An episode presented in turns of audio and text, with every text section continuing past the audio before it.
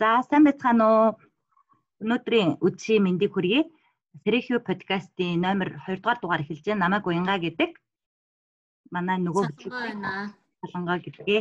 За. Өмнөх дугаардаа битээр хальт танилцуулсан байгаа.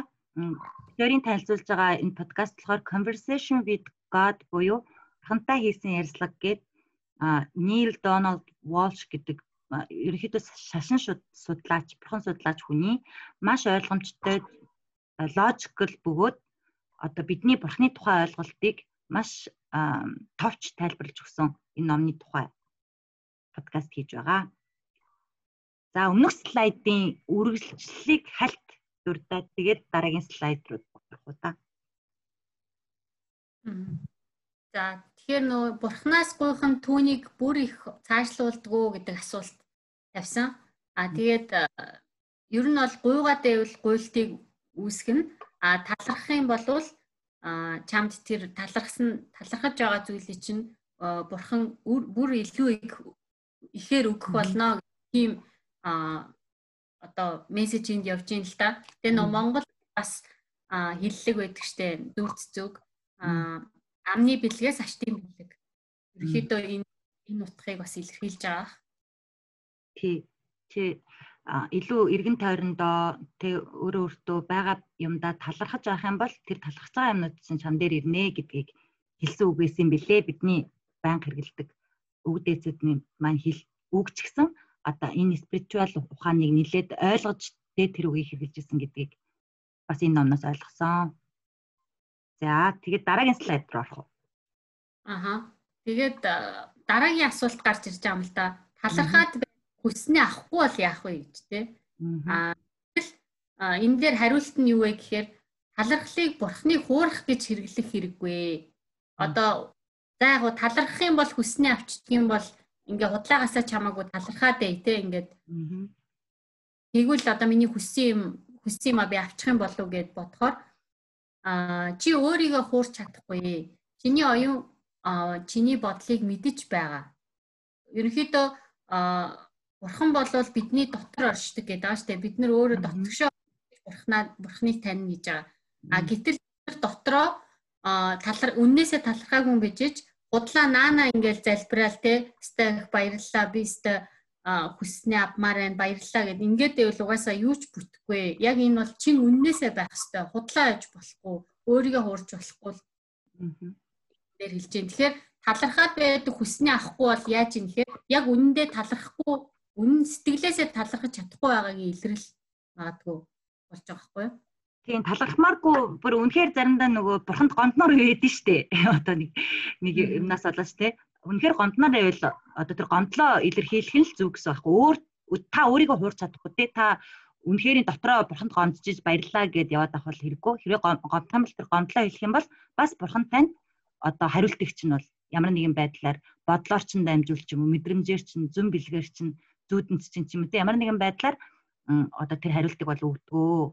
Тэгэхээр та бол өөрийгөө хуурч би байнга талархтгаа гэж одоо өөрийгөө хуурах хэрэггүй байгаагаараа л өөрийгөө айгу мэдэрчтэй өөртөө холбогдож харьцвал а тэр чинь харин талархал шүү гэсэн үг байна. А тэгээ ер нь хүний харилцаанд дунд бас байдаг штэ. Найз нь ингээд тус болж яхад талархдгүй хүн бол дахиж тэр хүн туслахыг ингээ хүсгээ болчдөг тий. А одоо ингээд багш хүнээс маш их юм сурчаад шавн юм сурагч чинь тэр багштай талархахгүй бол багшийн сэтгэлд ямар хэцүү онцгүй байх уу те? Энтэй яг адилхан байгаа байхгүй юу? Хүн ер нь хүнээс юм авсан бол энэ амьдрал гэдэг зүйлийг бид нар аав ээжээсээ авсан. Бүр тэр таан магадгүй бурхан гэж зүйлээс авсан бол тэр нь бид нар өдөр тутамдаа талархаж байх ёстой байгаа хгүй. Яагаад энийг бид нөр өөрөө өөрсдөө бүтээгээгүй хин нэгнээс авсан бол тэгээд энэ бурхны номны бурхантай хэсэг ярилцлага номны сүүлийн хэсэгт гарч ирсэн яг бурхан талархахгүй байгаа байлаа гэд өөрийг чинь шийтгэн гэсэн үг биш л дээ. Зүгээр л нөгөө хэрвээ та ингээд юмыг гууж биштэй байгаа юмдээ талархаж харьцах юм бол бурхан үргэлж таны хүсэж байгаа ямиг биелүүлж өгж байгаа гэсэн утгаар хэлсэн байлээ. Тэрнээс одоо надад талахгүй юм бол чамд ингээл одоо Христ Мрист дээр зарим хэллэг дээр байдэн дээ тий. одоо та нүгэл үлдэх юм бол ингэн тэгнэ гэдэг шиг тийм амар юм conditional хайр бол биш юм бэлээ. Аа. Нөхцөл тулгахсан. Тий, талахгүй бол одоо та үргэлж одоо зовно гэсэн юм бол байхгүй мэдээж. А зүгээр байгаа юмдаа талархах юм бол таны сэтгэл улам дүүрэнтэй, улам сайхан тайван болно гэдгийг бас буддизмд шилдэг энэ ном дээр ч бас айгуус ойлгомжтой тайлбарлсан байлээ. Аа. За дараагийн слайд. Дараагийн асуулт. За тэгвэл яаж байхгүй зүйл талархах вэ гэд. Энэ бол айгүй гоё асуулт байгаа байхгүй. Нэрээс байхгүй юмыг талархаад одоо хэцүү шттэ бол маш одоо хүнд а гэтэл энэний ганц шийдэл нь юу вэ гэхээр ихтгэл найдвар. Хүнд ихтгэл найдвар байх хэрэгтэй. А би бүтэн гэж гэсэн бол бүтсэн гэдгийг ойлго хүслээ хүсгээс өмнө биелсэн байдаг гэдэгт итгэ. А би цаг үед багш нараар дамжуулж хэлсээр ирсэн. Чи юу сонгох тэр биелнэ. Багш нар гэдэг нь энэ одоо нөгөө Будда, Христ гих мэтлэнгийн нөгөө хүн төрлөختөнд хүн төрлөختний олон жил төрсэн нөгөө агуу одоо шашны одоо удирдахчид те их хүмүүс хилээд байгаа юм л та. Тэгээ энэ дээр нөгөө итгэл найдвар гэдэг ямар айхтар чухал зүйл болохыг нэлээд сайн онцолсон байна. А хоёр тэгээд миний өөрийн бодол ямар айхтар хүчтэй тэр байнга биелж байдаг гэдгийг бас энэ дээр хэлсэн байна. Миний юу би юунд итгэн тэр биелж байдаг гэдгийг бас хэлсэн байна тий. Тий. Чи чи хүслээ хүсгээс өмнө үжээр бэлэн байдаг гэд асар хүчтэй үг байгаа. Ерөнхийдөө тий хүсгээсээ өмнө ер нь бодолтоо биелүүлэх тэр итгэл найдвар гэдэг энэ fate гэж хэлсэн мэлээ л дээ. Fateтэй байх юм бол а итгэсэн л бол хүн ерөнхийдөө биелэлцдэг шүү дээ. Ер нь ингээд амьдралдаа ингээд хараад тахад за би энэ их сургуульд заавал тэнцнэ гэдэг ч юм уу. Жохон эргэлзээлтэй за энд энийг ч арай барахгүй хаа гэсэн үед ерөнхийдөө тэнц чадаагүй л байдэн шүү дээ. Яг нэг амьдрал дээр байдаг яг үннийг хэлсэн үг юм шиг санагдсан. Нэрэл яг хүн ингээ өөртөө итгээд фейттэй байх юм бол ер нь нэг бүтээгүй юм гэж байгаагүй дээ гэж би бас надад бол тэг санагдсан. Тэгээ итгэл найдвар гэдэг юм хүний амьдралд асар чухал зүйл боловч энийг яг нөгөө шинжлэх ухаан дээрээс ингээд тайлбарлах гэхээр аюу хэцүү байдаг байхгүй юу? Яг юмний ч одоо юунд нь итгэх юм бэ те? Шинжлэх ухаан бол яг нүдэнд харагддаг бодтой юмыг юмд хүн итгэж болно. А бусад зүйл бол хийгсэн хий одоо хий хоосон зүгээр чиний дотор өөрийн чинь толгойд байгаа хий хоосон төсөөлөл мөрөөдөл зүуд чинь шүүгээд хэлчихэж байгаа дээ. Тэгэхээр энд ингээ хүн амар юм юунд орчиж байгаа хгүй юм нөгөө хаашаачгүй юм нэг юм завсрын байдалд орчиж байгаа хгүй үнэхээр итэр гэж юм байдаг ч юм шиг шашнууд болохоор байдаг гэдэг юм а шийд болохоор бодтой гарт харагдахгүй болвол юундаа итгэж найдах юм бэ те? А хүний сэтгэл зүй гэдэг юм чи яг энэ дунд ингээд хэцүү байдалд орчиж байгаа хгүй хүн сайхан зүйлд итгэж найдаж ийж хүн өнөөдөр баяр баясгалантай амьдрын, талархалтай амьдрын аа итгэл найдваргүй хүн бол ер нь тэгээд маш хүнд байдалд орж байгаа шүү дээ. Ер нь бол амьдралын одоо тэр сэтгэл зүйн тийм мөрөөдөлчгүй болно шүү дээ. Итгэл найдвар байхгүй бол бүх амьдралыг хүсэлж байхгүй болно шүү дээ. Тийм тэгэхээр энэ нөгөө итгэл найдвар гэдэг үг маань ямар айхтар одоо чухал юм бэ гэдгийг энэ дээр бас дахин онцолж байгаа гэдгийг бас анзаараасаа гэж бодож байна. Тий. Тэгээ энэ үгэн дээр faith гэдэг үг хэрэглэн би аявих нөх христианитгийн онцлог бас гарч ирээд байгаа юм болов уу гэж бодсон. Яа тэгэхээр нөх итгэл найдар гэдэг дээр одоо энэ Европынхан ч тэр за жуудууд еврей хүмүүс ч гэсэн тэр маш их тэр нөгөө бурхандаа те бидний Христ бол ерөөсө бидний эзэн бидрийг харж үзэж байгаа гэдэгт маш их фейттэй байдаг шүү дээ. Ер нь католик ч гэсэн те. Тэгэхээр тэр фейт чинь хүнийг айгүй гоё нэгтгэж өгж байгаа байхгүй юу? Тэ тэр фейт тэр бурхан тэр Христ эзэн биднийг харж үзэж байгаа гэдэг тэр итгэл найдвар чинь тэр моралын итгэл найдварыг ч бий болгоод ирээдүйдээ итгэх итгэл найдварыг ч болгоод маш одоо зөвхөн ямар ч бурханд итгэдэггүй хүн байсан ч гэсэн энэ фейт гэдэг юм бол айгүй хэрэгтэй юм байна гэж би бол ойлгосон. Тийм учраас энэ христианид чинь одоо ямар нэгэн тийм моралын нөгөө бос үйлдэлүүдийг бол айгүй юм нэгдсэн ойлголтоор те ойлгосон байдаг шүү дээ. Энэ бол моралтай үйлдэл. Энэ бол моралтай биш гэдэг юм уу. Тийм утгаараа бас фейт гэдэг чинь нийгмээрээ нэгдэж амьдрахад бас айгүй хэрэгтэй юм болов гэж надад санагдсан.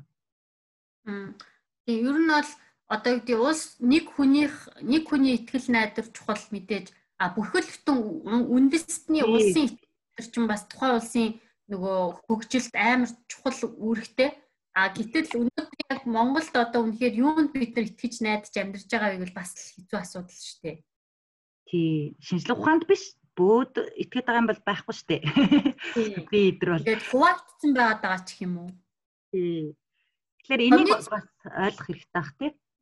Социализмын үед чинь бид нар бас ихтгэл найдвар байсан байгаа байхгүй юу? Одоо бид нар социализм байгуулан цаашдаа явсараа коммунист улс болно гэдэг ийм айгүй гоё том ийм нэг мөрөөдөлтэй, зоригтой, ихтгэл найдвартай байсан учраас тэр үе бас одоо бодох юм бол хамаагүй ийм ойлгомжтой гоё цаг үе байж л те. А гэтэл өнөөгийн нийгэм маань ардчлал гээд ингээд хин дуртай нь юу дуртайгаа ярьж болдог болсон а болгон янз бүрийн өөр өөр юмд итгээд ингээд нэг юм нэгдсэн ихтгэл найдвар улс үндэсний хэмжээнд бас хэцүүлэн л да. Жохо сул агаад нь те. Гэтэ энэ дээр энэ бурхны номыг уншихад бол ингээд маш тийм бидний сэтгэл зүйд байгаа гэдэг юунд итгэж найдах юм бэ? Юу итгэж найдах юу байгаа байгаа юм бэ гэдэг юм дээр бас их логиктой мөртлөө бас сэтгэл айгу ойлгомжтой тайлбар өгсөн мөлий. Яаж байхгүй зүйл талархах юм бэ гэхээр та зүгээр л тэ бурхан таныг харж үзэж байгаад итэг тий. Тэгэл болоо. Тэнд байгаа гэсэн үг байх нь шүү дээ тий. Аа. За дараагийн слайд руу явах уу? За. За тэгээ олон хүмүүс залбирал одоо залбирлаа залбираа залбираа те тэр нь бүтсэнгүй гэж хэлдэг штэ гэдэг чаа. Тэгэнгүүт за хурхан. Юу ихээр А бодлын цаадах бодол хянах бодлын цаана бодол хянах байдаг. За хүслээ бодоход тэр хүслийн цаадлын бодол нь хүссэн зүйл чинь чамд одоо байхгүй байгаа хэлсээр л байдаг. А үед тэр цаад хянах бодол чинь чиний бодит байдал болдог. Энэ цаадах бодлыг дарах ганц зүйл бол чиний хүссэн бүхнийг биелүүлнэ гэсэн итгэл найдвар хүмүүс ол ийм ихтгэлтэй байж амьдардаг ийм одоо асар их ихтгэл найдвар дүүрэн хүмүүс байдаг. А цаашлаа бурхан бүх хүсэлтэнд заа гэж хэлнэ гэж итгэхээс илүү а хүсэгч шаардлагагүй гэдгийг бүр зүүн совингоороо мэдэж байвал залбирал бүр амар болдог. Өөрөөр хэлбэл а бурхан биелүүлнэ гэж хэлхийн бүр цаатлын хэмжээ төвшөнд итгэцэн байна штэ. Бүр би ингэж бодсон бодоогүй миний хүсэл хүслийг бурхан биелүүлж өгнөө. Би бүр эцэгч шаардлагагүй юм байна гэдэг итгэл найдвартай хүн бол а зүүн сонгороо тэрийг мэдэрч чадж байгаа хүн бол бүр илүү одоо залбирал нь амар болох нь байна.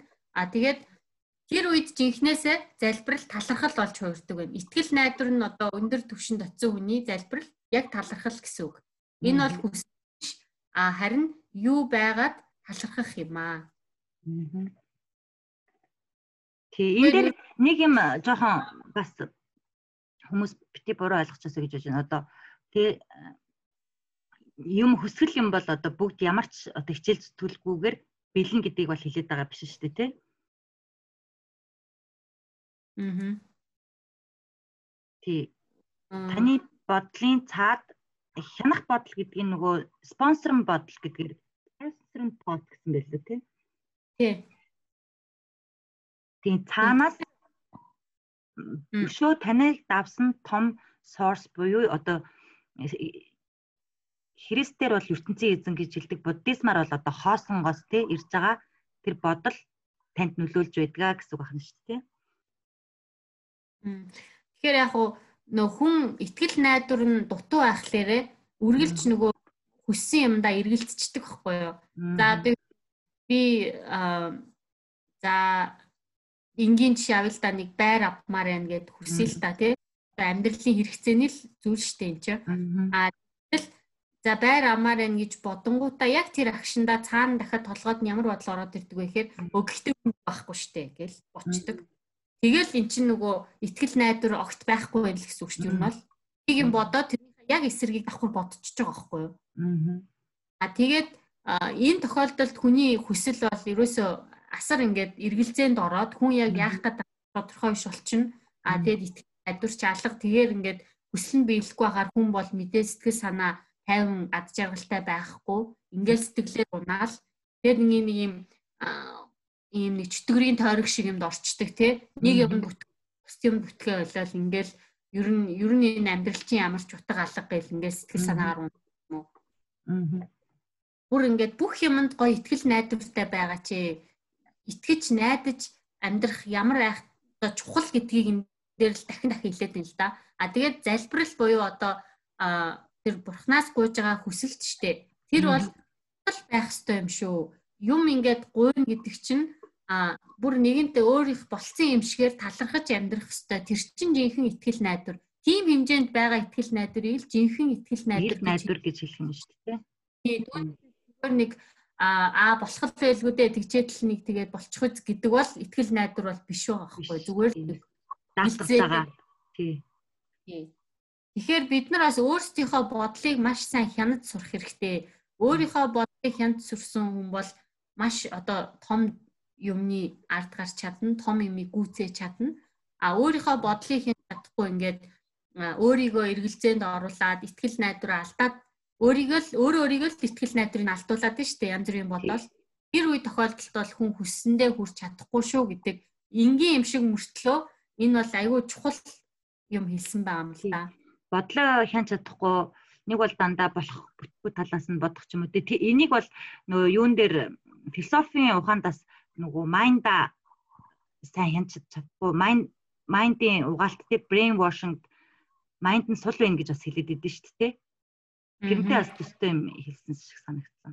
Тийм бодлоо хүчтэй, фейтэ хүчтэй байлгана гэдэг чинь хин нэгний ярианд өөрийнхөө тархийг угаалгахгүй яг өөрийнхөө мэдрэмж болон мэдлэг болон тэ ойлголтондоо итгэлтэй байх. Хэрэг бурханд итгэж байгаа бол тэрэндээ итгэлтэй байх тий. Мэдээж шинжлэх ухааныг үүсэхгүй. Гэхдээ та ямар нэг юм дээр ямар нэг одоо хүсэлтэн дээрээ ч юм уу залбирал дээрээ хэрэг бурхан таныг харж үзэж байгааг мэдэрсэн бол тэрэндээ итгэлтэй бай. Тэр чинь жинхэнэ одоо цаашд бити эргэлзээд дээ гэдэг тухай их дахин дахин хэлж байгаа шиг байна те.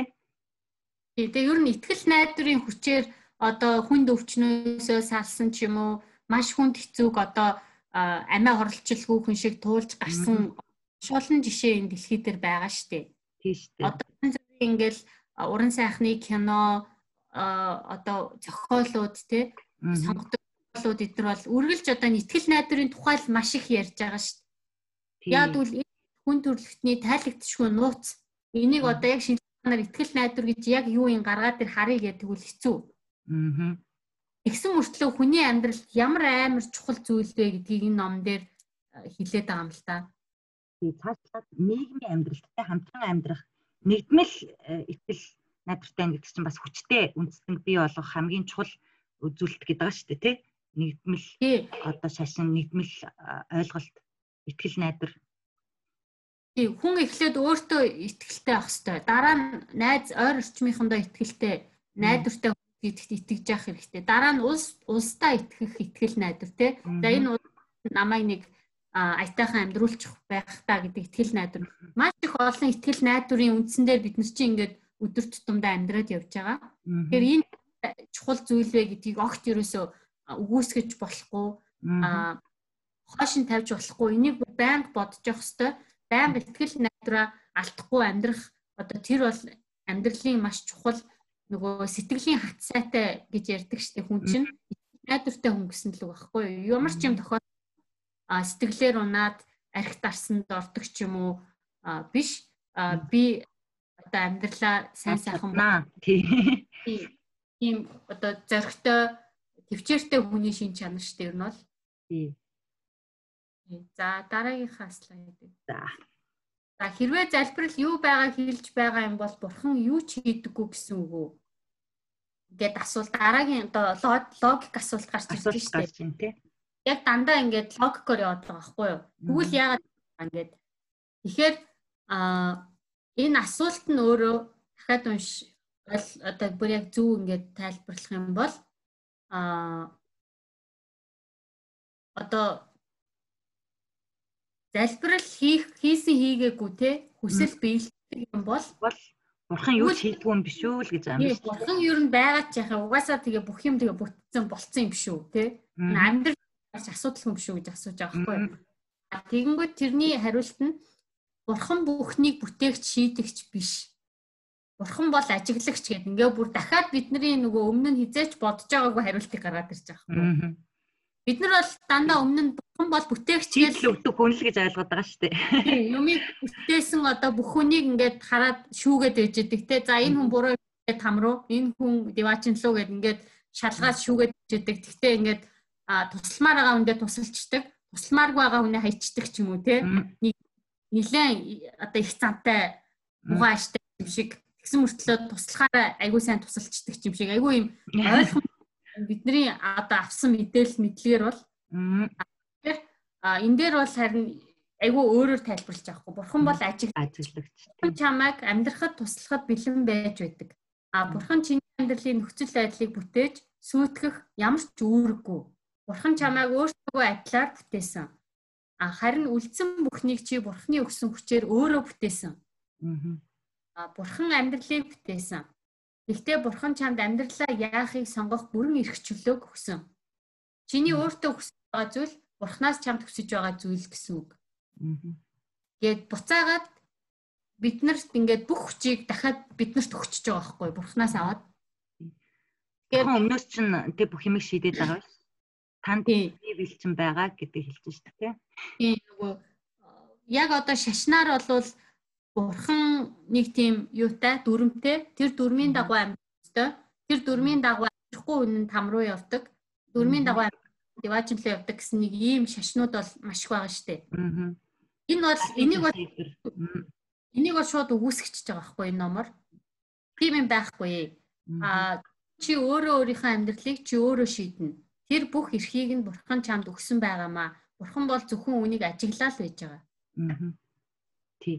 Энэ өмнөх дугаарыг хэрвээ сонсоогүй хүн сонсож байгаа бол товчхон өмнөх дугаар яагаад энэ подкаст эхлүүлэх болсныг бид тээр товчхон хэлцээ. Спиритуал буюу тэгээ өөрийнхөө дотоод ертөнцөд таних.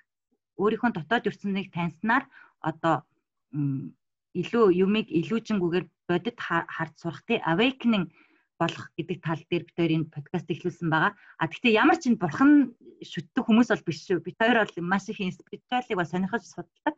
А гэхдээ хит энэ бурханы тухай яриад байгаа биш.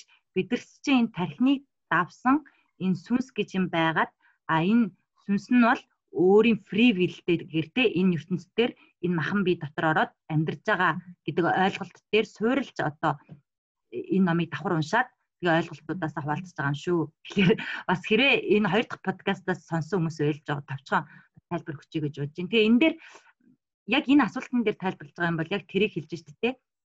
Бурхан бол ажиглагч. Тэгэхээр бид нар ингээ ямар ч хүч чадалгүй бурхнаас ингээл энийг шийдэд өгч тэрийг шийдэд өгөөч гэж одоо амьдрах шаардлага байхгүй. А бид нар өөрсдөө ч гэсэн өөрийгөө ойлгоод би чинь тэгээ яагаад ингэж амьдрдаг вэ? Надад яагаад ингэж байгаа юм бол би яагаад ингэж боддгийм бол ч гэдэг юм уу те. Өөрийгөө ажиглах юм бол бид нар ч гэсэн одоо бурхны дайны юмыг ажиглаж ойлгох чадвар байгаа. Тэр ажиглаж ойлгох чадвар чинь ерөөсөө awakening гэж хэлээд байхгүй сэрх одоо сэрцгээ гэж одоо дэлхийд даяар яригдаад байгаа шүү дээ. Японд ч гэсэн яригдаж байна, Монголд ч гэсэн одоо яригдаж хэлж байгаа. А энийг бас ажиглаж чадна гэдэг чинь одоо awakening болно гэдгийн нэг тал юм шүү гэдгийг ташрамд хэлье. За. Аа. За дараагийнхаа слайд руу. За. За тэгээд дахиад үргэлжилж जैन л да нөгөө асуултанда аа бурхан эцсийн үр дүнд санаа зовдөггүй. Учир нь эцсийн үр дүн тодорхой байдаг учраас а эцсийн үр дүнд санаа зовох нь та нарын хамгийн том дайсан болох айдсыг үүсгдэг. Айдс бол бидний хамгийн том дайсан гэж хэлж байгаа ном дээр. Эцсийн үр дүнд эргэлзэж байвал бүхний бүтээгдэхүүн төртөл эргэлзэж байна гэсэн үг. Хэрвээ бурхан хэлцвэл чи айдас гимшил донд амьдрах болноо. Гэт тэгээд энэ ном ингээд нэг бодлын айгүй тийм тайвшруулдаг төрлийн ном л тоо. Аа сэтгэл зүй талаасаа тий. Маш их тайлбаргүй юмнуудад тайлбар өгдөн шүү дээ тий. Тий. Хизээж хаанаас ч олж одоо мэдэж одоо ингэж логиктойгоор тайлбарлаж болохооргүй зүйлийг маш эвтэйхэн ойлгомжтой ингээд тайлбарлчихгод хүнд нэг бодлын айгүй юм сэтгэл амардсан бэлээ. Аа. Асуултанда хариулт авахгүй яваад ах чи айгүй хэцүү шттэ тий. Гайхаад яваа л идэг. Тэгээд хаанч байгаа бүү мэд.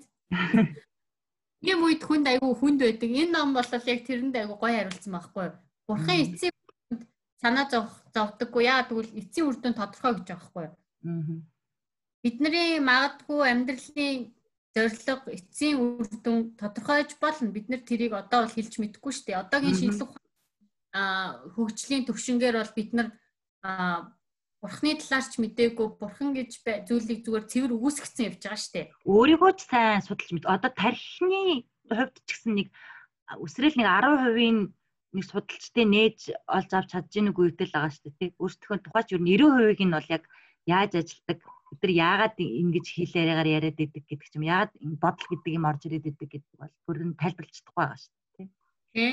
Яг ямар нэг бодол бодохоор тархины хаана нөгөө синапс үсээд яаж нөгөө хаана гэрэл цогч юм цахилгаан гүйдэл гүйж ийн гэдгийг бол нэг аппаратаар яагаад тодорхойлж болоод байгаа. Тий. Гэхдээ тэр бодол хаанаас орж ирв гэдгийг бол ойлгож ойлгоог байгаа шүү дээ. Тий.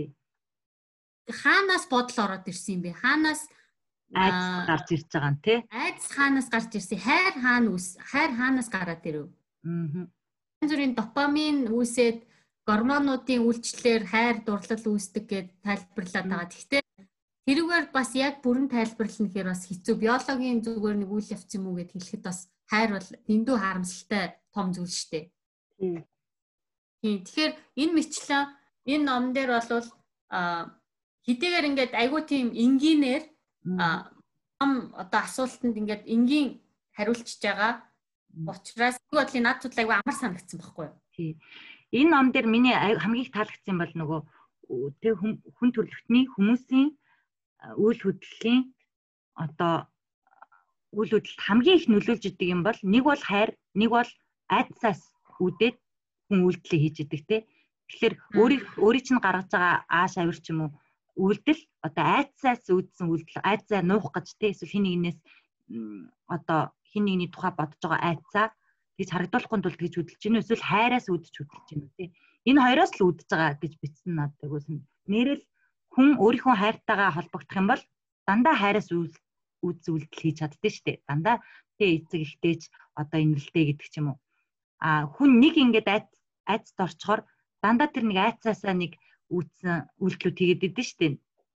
Одоо юу гэх чи нэг жишээлбэл нөгөө нэг солонгос драма айдэр дээр гардаг шиг нэг хүн одоо бүр альбан тушаал дэвсчихий гэдэг ч юм эсвэл хайртай хүний булаачхыг гэдэг айцаасаа болж ингэж хөдөлж байгаа хүмүүс чинь жоохон эвгүй харагддээ штэ кинон дээр ч хүртэл тий ийм үйлдэл гарч ирдэг гэсэн үг аах. Тэгэхээр хүний үйлдэл гэдэг чинь энэ хоёр маш том эмоцод ингэж автагдаж хөдөлдөг байх нэ гэдгээ өөрөө ажиглаад авчна гэдэг чинь л айгүй сэтгэл амгалан болчихж байгаа байхгүй тий. Өө ингээд би ийм байдалд ороод байгаа юм байна гэл ажиглахад л болчихж байгаа байхгүй тий. Тий. Нөгөө талаасаа айдс эргэлцээ хамгийн том дайсан шүү гэдгийг бас онцолж хэлж штэ. Аа. Нэг анзаардгүй боловч биднэрт маш их олон айдас байдаг. Аа. Айдсаасаа болж гаргасан шийдвэр дандаа л буруу л байдаг шүү дээ. Юу нь бол гайл болдог шүү дээ. Тий. Хин нэг энэ юмтай тэмцэх болж таарч байгаа хгүй бид за тэмцэх гэх юм энийг ойлгох болж таарч байгаа юм тий. Ер нь амьдрал баяр баясгалантай болгоё гэвэл энэ айдсаасаа салах нь баг бидний номер 1 ажил болж таарч байгаа юм л та. Тий. Айдсаа ерөнхийдөө салах гэхээсээ хүлэн зөвшөөрөхтэй би чи ингээд энэ айдсаасаа олоод ийм үйлдэл гаргаад байгаа юм байна гэд ойлгоод хүлэн зөвшөөрчихл юм бол хүний нөгөө үйлдэл чинь ингээ хайрлуугаа илүү төгөх гэх юм уу? Айдсын нөгөө эсрэг тал нь хайр гэж энэ ном дээрээс тайлбарлаж илээ л дээ. Айдс гэдэг эмоц, эсрэг эмоц нь ерөөхдөө хайр гарч ирдэг юм байл л дээ.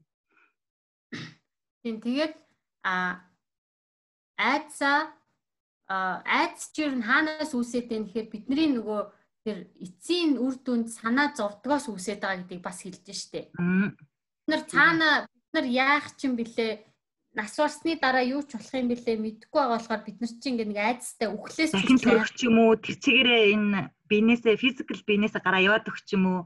Эсвэл бүр нөгөө нэг христүүдийн яриад тамийн тоогонд унах ч юм уу? Юу ч мэдэхгүй л байгаа даа шүү дээ тий Тэр буддын шашнаар ч гэсэн нөгөө хам руу явж нөө төрөл нь доошлдог гэдэг дээ нохоо муу юу л амтан араас төрөлд төрөх юм уу? Эсвэл дээшээгээ мэдэхгүй шүү дээ бид нар ч одоо бол. Тэгэхээр нөгөө энэ энэ их олон айдас чинь хүний нөгөө амьдралын баяр баясгалангаас мөхөд хулгайлж бидний энэ амьдралыг доош нь татж байгаа учраас эннээсээ салаач эцсийн үр дүнд зовох хэрэггүй. Учир нь бүх юм тодорхой байгаа шүү гэдэг энэ нэг нэг сайхан нэг тайвширлын одоо үг хэлж байж байгаа юм л да энэ зохиолчлогын яг нэг христиан хүн болохоор эцсийн үр дүнд санаад зовох хэрэггүй гэдэг утгаар нь бичсэн байлээ. Яг буддизмд бол энийг ч айгүй гоё хэлсэн байт юм бас. Яг адилхан утгатай л да. Ерөнхийдөө одоо бидний энэ нөгөө амьдрал дээр ингэж тулаад байгаа айдас одоо юу гэдэг энэ санаа зовнил те хөгшрөлт гэдэг юм. Ингээд энэ янз бүрийн зовлон гууд ч юм бол зүгээр л нэг процесс те. Ерөөсөө эцсийн үр дүнд ингээд санаа зовхгүй л ах юм бол энэ амьдрал гэдэг энэ процесс чи өөрөө одоо маш том энэ сөүлийн чинь нэг тийм ухаарл одоо experience юм байна л да. Энэ энэ аялал гэх юм уу? Тэгэхээр аялал гэж авч үзэх юм бол чи өөрийнхөө амьдралыг аялал гэж авч үзэх юм бол эцэст нь одоо яах нь их нөө амжилттай байхгүй нэ гэдэг ч юм санаа зовох ерөөсөө хэрэггүй процесс гэж хараарэ гэж аягүй хэлдэм билээ. Буддизм бас.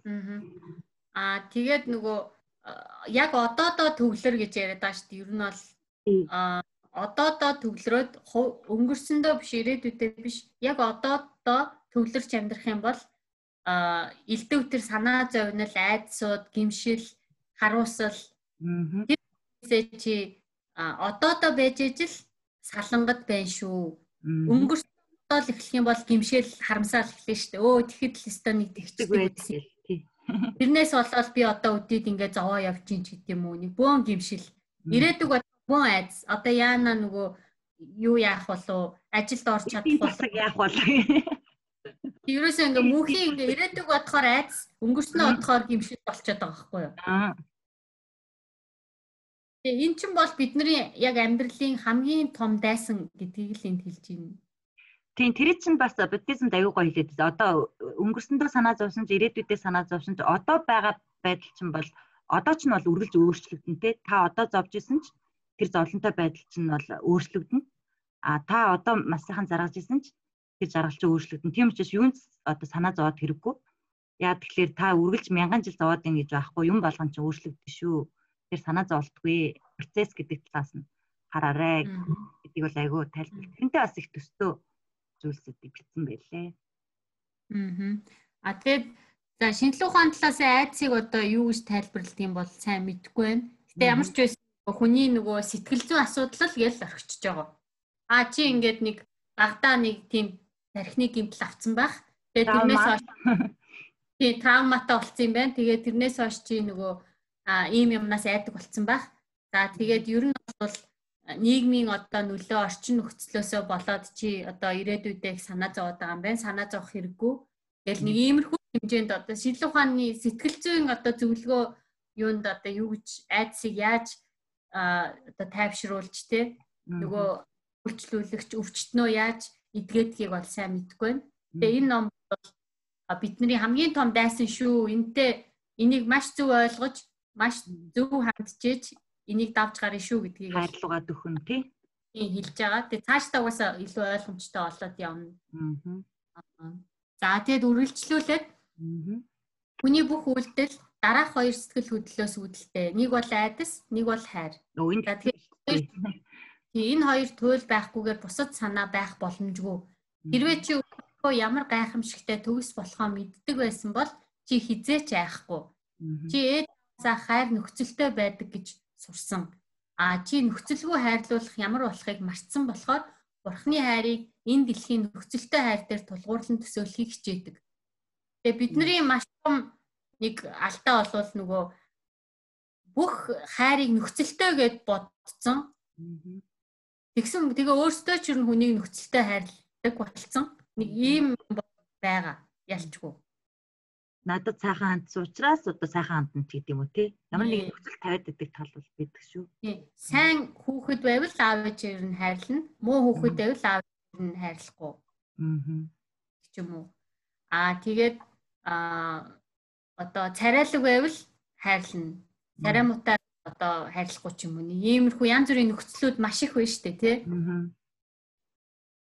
Гэтэл бурхны хайр гэдэг нь энэ дээр юу гэж хэлээд байна гэхээр нөхцөлгүй хайрлуул хайр байгаа юм шүү. Даанч чи тэрийг мартсан гэдг нь харамсалтай гэж хэлж байгаа. Тэгээд чи өөрөө ямар төгс болохоо мэддэг байсан бол чи хизээч айхгүй гэхээр бид нар өөрсдийгөө ер нь мартсан байгаа шүү гэдгийг сануулж байгаа. Бид нар өөрсдөө яг үнэндээ цаана ямар хүмүүс юм бэ, хий юм бэ гэдгийг мартсан байгаа юм шүү гэдгийг дахиад сануулж байна. Өөрөө өөртөө тэг коннектед болж чадбайгаа болохоор өөрийнхөө төгс байдлыг ойлгож чадахгүй. А тэгээд юм болгон санаа зовоод тий өөрөө ямар чадваргүй ч юм шиг эсвэл ин айдастай ч юм шиг тийм байдалд ороод байгаа шүү гэдгийг хэлж байна. Тэгээд дутуу үнэлж байна л да.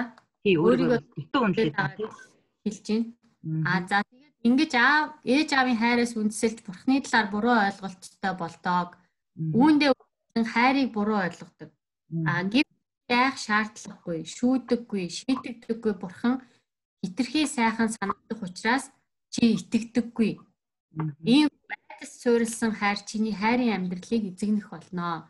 Чи нөхцөл хайр аваа зогсохгүй өөрөө нөхцөлтэй өгөх болно. Гэхдээ энэ жинхэнэ хайр биш гэдгийг чи мэднэ. За тий. Бид нар угаасаа дотроо энэ жинхэнэ хайр биш вэ гэдгийг мэдрээд л байгаа л та.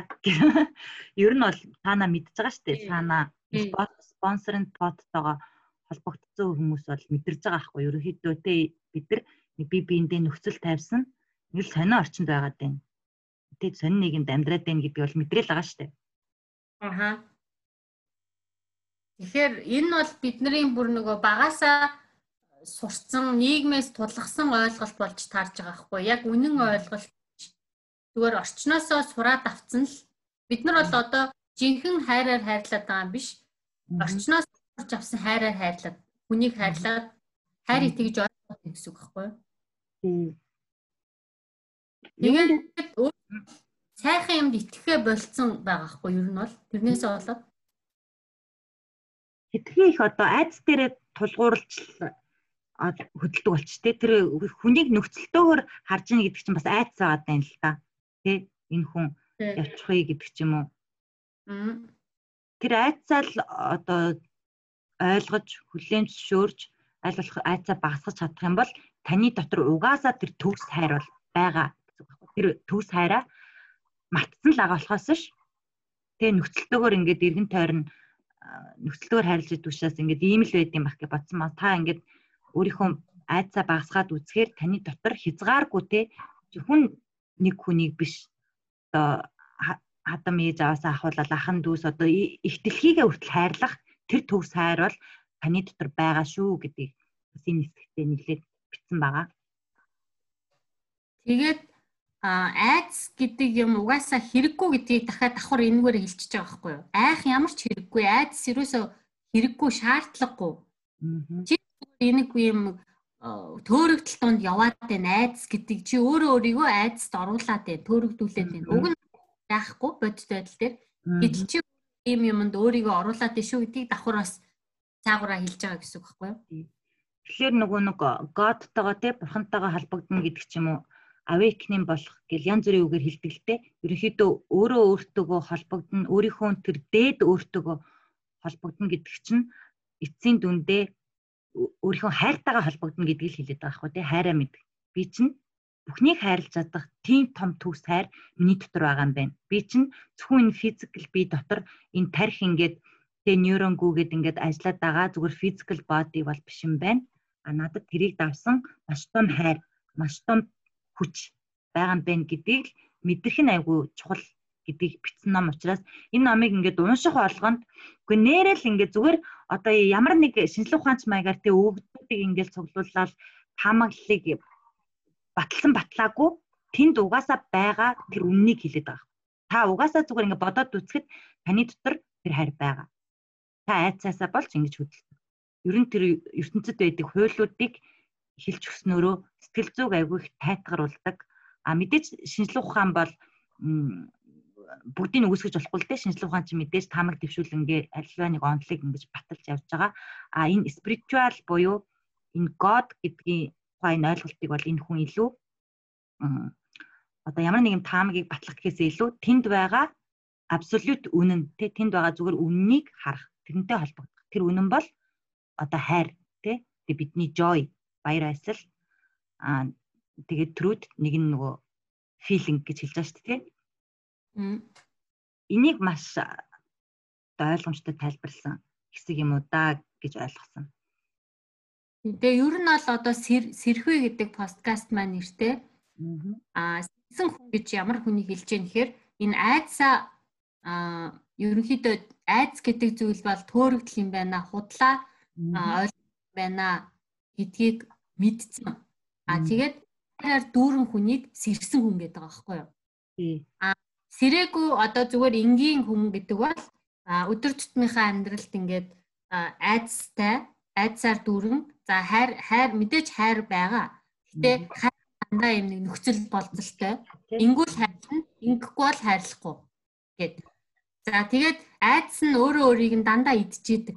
Өөрөө өөртөө болж байгаа гэсэн. Айдстай байснаар тэр хүн өөрөө өөрийг л устгаад байгаа гэсэн. Түүнээс тэр хүн сайн юм хийж байгаа нэг ч юм байхгүй. Тэгэхээр сэрэг энгийн одоо хүн гэдэг бол а одоо ерөнхийдөө хайрын дутуу айдсан давмгай хүнийг сэрэг хүн гэж хэлж болно. А магадгүй хэдэн 100 сая жилийн дараа хүн төрлөخت нь тэр бүгдээрээ сэрий гэж бодъё л та. Бүгд ингээд хайраар дүүрэн айдсгүй болох юм бол дэлхий ямар сайхан болохыг нэг төсөөлөд үзтээ. Ямар ч дайм байлаа. Ямар ч өсөглөн зовлонгүй. Тэгэл бүгдээрээ юмаа ингээл хуваалцаал те би бинийгээ бодоол. Би биэндээ туслаад. Те нэг хин нэг нь хин нэгнээ гайхуулах гал ингээл би бинийгээ шуулч те ингэж зовоохгүй. Бүгдээрээ гоё итэй найртай гоё амьдрах ийм дэлхий үүснэ гэд төсөөлөд бодод үцхээр бид нар үнэхээр яг өнөөгийн орчин цагийн дэлхийд яг юу дутагдаад байна гэхээр үнэхээр биднэрт хайр дутагдаад байгаа байхгүй юу? Би бинийгээ хайр үнэхээр дутуу байна. Бүх дэндүүх айцтай амьдраад байгаа байхгүй юу их мартсан л байна те өөрт чинь хичнээн хүч хайр агааг мартсан. Тэгээд нөгөө айц нь давамгаалцсан. Юугаар